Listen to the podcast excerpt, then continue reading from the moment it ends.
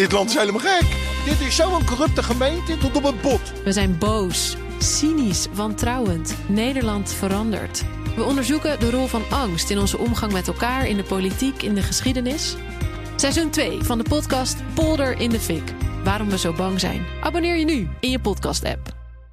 Studio Den Haag. De crisis op de woningmarkt wordt steeds groter. De omstandigheden voor nieuwbouw zijn ronduit slecht en worden er ook volgend jaar niet beter op.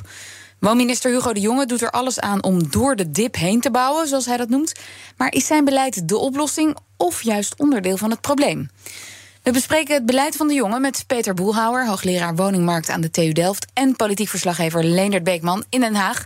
Goedemiddag, Leendert. Goedemiddag, Peter. Goedemiddag. Goedemiddag. Leendert, heeft minister De Jonge deze wooncrisis nog wel onder controle? Wat is jouw indruk?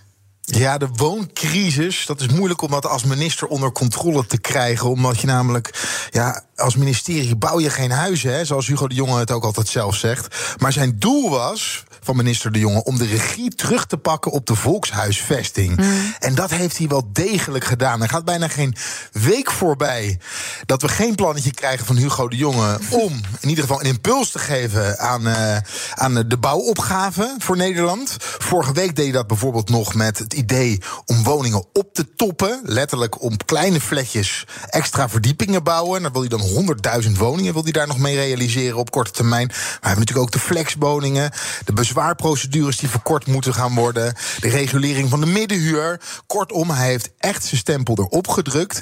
Maar ja, en zo noemt hij het zelf dan. Hij heeft de wind tegen. En het komt vooral door de hoge rente. Ja, en daar heeft hij toch geen grip op. En dat zal hij ook nooit krijgen, want daar gaat de minister nou helemaal niet over. Nee, oh, oh, de hoge rente, daar heeft minister De Jonge geen invloed op. Nee. Precies. Maar volgend jaar wordt er dus een forse dip verwacht, in nieuwbouw vooral. En, en wordt dat hem kwalijk genomen?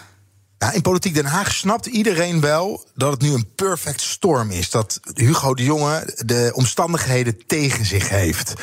En dan is de vraag, maar helpt het dan eigenlijk dat Hugo de Jonge zo stevig de regie heeft gepakt? Vroeg onder andere aan Sandra Beckerman van de SP crisis dat het extreem belangrijk is dat de overheid zorgt dat de bouw doorgaat.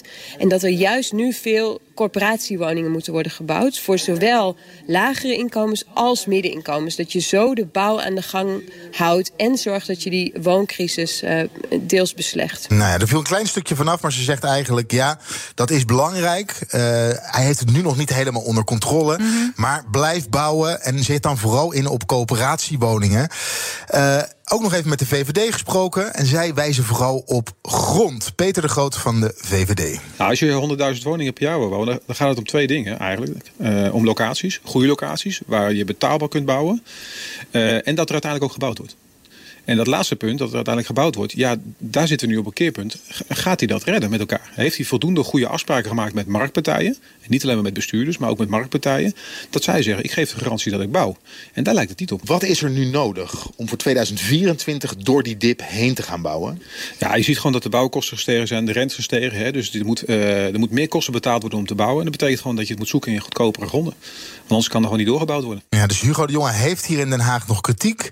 Uh, uh, krediet maar krijgt ook kritiek omdat er nog wel degelijk mogelijkheden zijn om dat bouwdossier vlot te trekken. Ja, Peter Boelhouwer, hoe zie jij dat? Moeten jongen zorgen voor goedkope bouwgrond? Zijn we dan voor een groot deel uit de brand? Ja, dat zou natuurlijk wel heel plezierig zijn, maar dan moet hij een hele dikke portemonnee meenemen. Het probleem is natuurlijk 2024, dus dat, dit is al heel snel.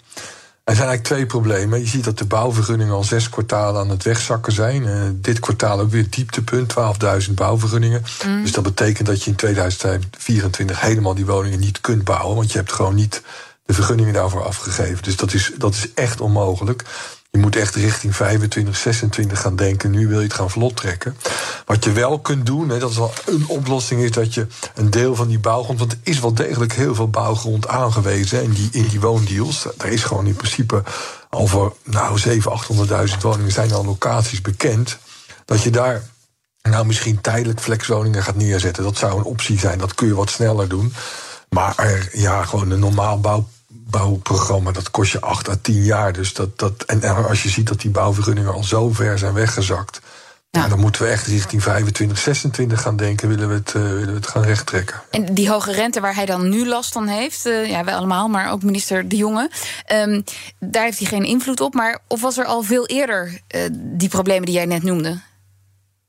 Nou, ik zeg al, eh, die, die bouwvergunningen zijn al zo'n zes kwartalen aan het, eh, aan het wegzakken. We hebben er in, in de verschillende uitzendingen bij jullie ook regelmatig aandacht aan besteed.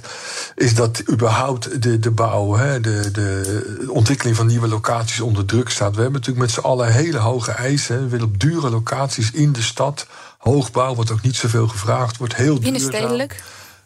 Binnenstedelijk, ja, dat is gewoon een hele opgave. Dat, en zonder, vrijwel zonder subsidies, dat is gewoon heel erg lastig. En nou ja, dat liep al voordat die rente ging stijgen, liep dat al terug. Nou ja, we zien nu dat inderdaad die bouwkosten zijn gestegen. Ook nog eens, hè, en de rente is gestegen. We maken het ook, en dat kun je de regering wel kwalijk nemen hoor. Er zijn ook een aantal maatregelen die gewoon helemaal niet helpen. Dat is natuurlijk uh, Zoals? maatregelen rond de, nou, rond de huursector. Je ziet dat beleggers nu massaal uitstappen.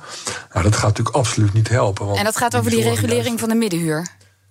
Ja, die regulering, ja, niet alleen de middenhuur, de hele, de hele vrije sectorhuur wordt gereguleerd. En, en ja, dat helpt natuurlijk absoluut niet. Ook het verhaal van ja, we moeten twee derde deel betaalbaar gaan bouwen. Ja, ik ben daar erg voor, maar dan moet je daar geld voor, voor beschikbaar stellen. En het verhaal van Beckerman dat die corporaties dat allemaal kunnen gaan doen, dat kan gewoon niet. Die hebben daar ook de middelen niet voor. Je kunt op korte termijn wel wat een inhaalslag maken. Maar ook die kunnen de komende tien jaar niet die bouwprogramma's wegzetten. Dus we zullen of goedkopere locaties, hè, wat de Groot ook aangeeft, eh, moeten gaan, uh, gaan, Zoeken. gaan aanwijzen, gaan gebruiken. Of we moeten daar gewoon geld voor beschikbaar stellen. Gewoon, dat hebben we in het verleden ook altijd gedaan. Het is of het een of het ander. Dus de portemonnee trekken? De portemonnee trekken. Ja, als je inderdaad door wil bouwen op deze wijze, op dit soort locaties met deze opgaven, dan kan dat niet meer door de eerste koper worden opgebracht. En je ziet ook dat, dat kopers hè, nu met name in die duurdere appartementen massaal afhaken. Maar goed, uh, ja, nog meer geld beschikbaar stellen. Het kasboek van dit kabinet ligt al onder de loep. Wat als dat geld er gewoon niet is? Nou, dan gaan we minder bouwen. Dat is dan de enige eh, de conclusie. En ja, nogmaals, je kan wat met tijdelijke woningen doen. Je kan natuurlijk, wat de jongen ook aangeeft, hè, in de bestaande voorraad, met splitsen kun je wat doen. Maar ook daar zie je een aantal grote gemeentes juist uh, beperkingen in de laatste jaren inbrengen. Dat ze juist niet willen splitsen. Maar je kan natuurlijk wel je bestaande voorraad, ook je, je leegstaande voorraad, kun je beter inzetten. Dat kan wel sneller. We hebben natuurlijk een hele voorraad van tweede woningen die, die leegstaan. Die kun je, in, kun je vorderen inzetten. Je kunt vakantieparken gaan benutten. Je kan, je kan wel wat doen. Maar dat gaat veel verder dan het kabinet nu doet. Tweede woningen vorderen, dat gaat heel ver. Ja, nou ja, goed. Eh, als, als we zo'n groot tekort krijgen en we hebben meer dan 100.000 uh, tweede woningen die niet permanent bewoond worden, uh, waarom staan we dat nog toe? Nou, even terug naar die middenhuur. Leendert, wat zegt de jongen daar zelf over, over die regulering uh, daarvan? Ja, zowel over de regulering van de middenhuur als over twee derde betaalbaar bouwen. Daar zegt hij over, dat is simpelweg gewoon noodzakelijk mijn uitgangspunt dat twee derde van alle woningen die we bouwen betaalbaar moeten zijn voor mensen met een gewoon inkomen. Of dat nou huur is of koop is. Daarvan wordt ook gezegd, als je dat nou eens eventjes loslaat. Maar we hebben de afgelopen jaren niet alleen te weinig gebouwd, maar ook te duur gebouwd. Dus gewone mensen voor, ja, dat, die konden ook alleen maar dat huis kopen omdat de rente zo vreselijk laag uh, was. Maar voor heel veel nieuwbouwwoningen, daar kwamen mensen met een gewoon salaris al lang niet meer voor in aanmerking. Ja, dat is een situatie die kun je niet laten voortduren. Ja, en dat zegt hij eigenlijk ook over de regulering van de middenhuur, eigenlijk mm -hmm. van alle huren.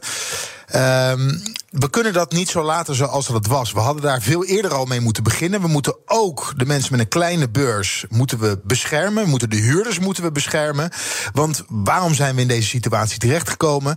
Omdat het Wild West is geweest uh, ja. in, uh, in de woningmarkt. Ja. En daarvoor moet ik dus dergelijke maatregelen wel nemen. En Peter Boelhouwer, ja, dat klinkt toch eigenlijk vrij logisch. Er moet, er moet ingegrepen worden. Ja.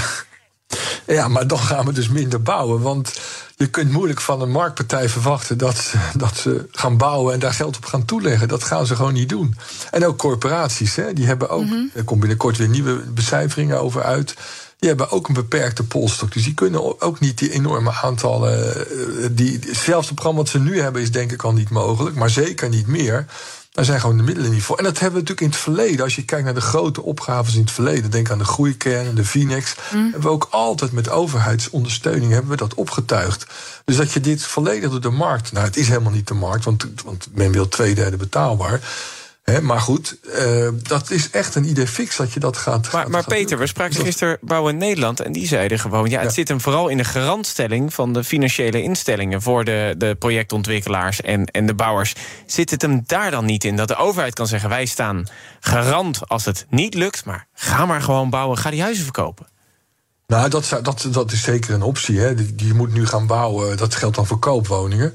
daar moet je 70 tot 80 procent van verkocht hebben. kan ook 50 inderdaad, Ja, kan ook 50, maar dan neem je wel een financieel risico. Maar dat zijn ook weer financiële middelen die je dan inzet. Maar dat is zeker een hele goede, in, uh, een hele goede oplossing kunnen zijn. Ja, ja sorry. Leendert? Nee, ik ging er doorheen. Want iedereen zich in Den Haag wel beseft, van links tot rechts, dat als er niets gebeurt en de boel klapt ineen, mm dat er dan nog een veel groter probleem is. En dat wil eigenlijk iedereen wil dat voorkomen.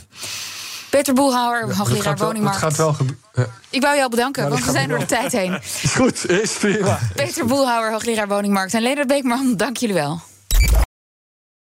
Ook Bas van Werven vind je in de BNR-app. Ja, je kunt live naar mij en Iwan luisteren tijdens de ochtendspits. Je krijgt een melding van Breaking News. En niet alleen onze podcast Ochtendnieuws, maar alle BNR-podcasts vind je in de app. Download nu de gratis BNR-app en blijf scherp.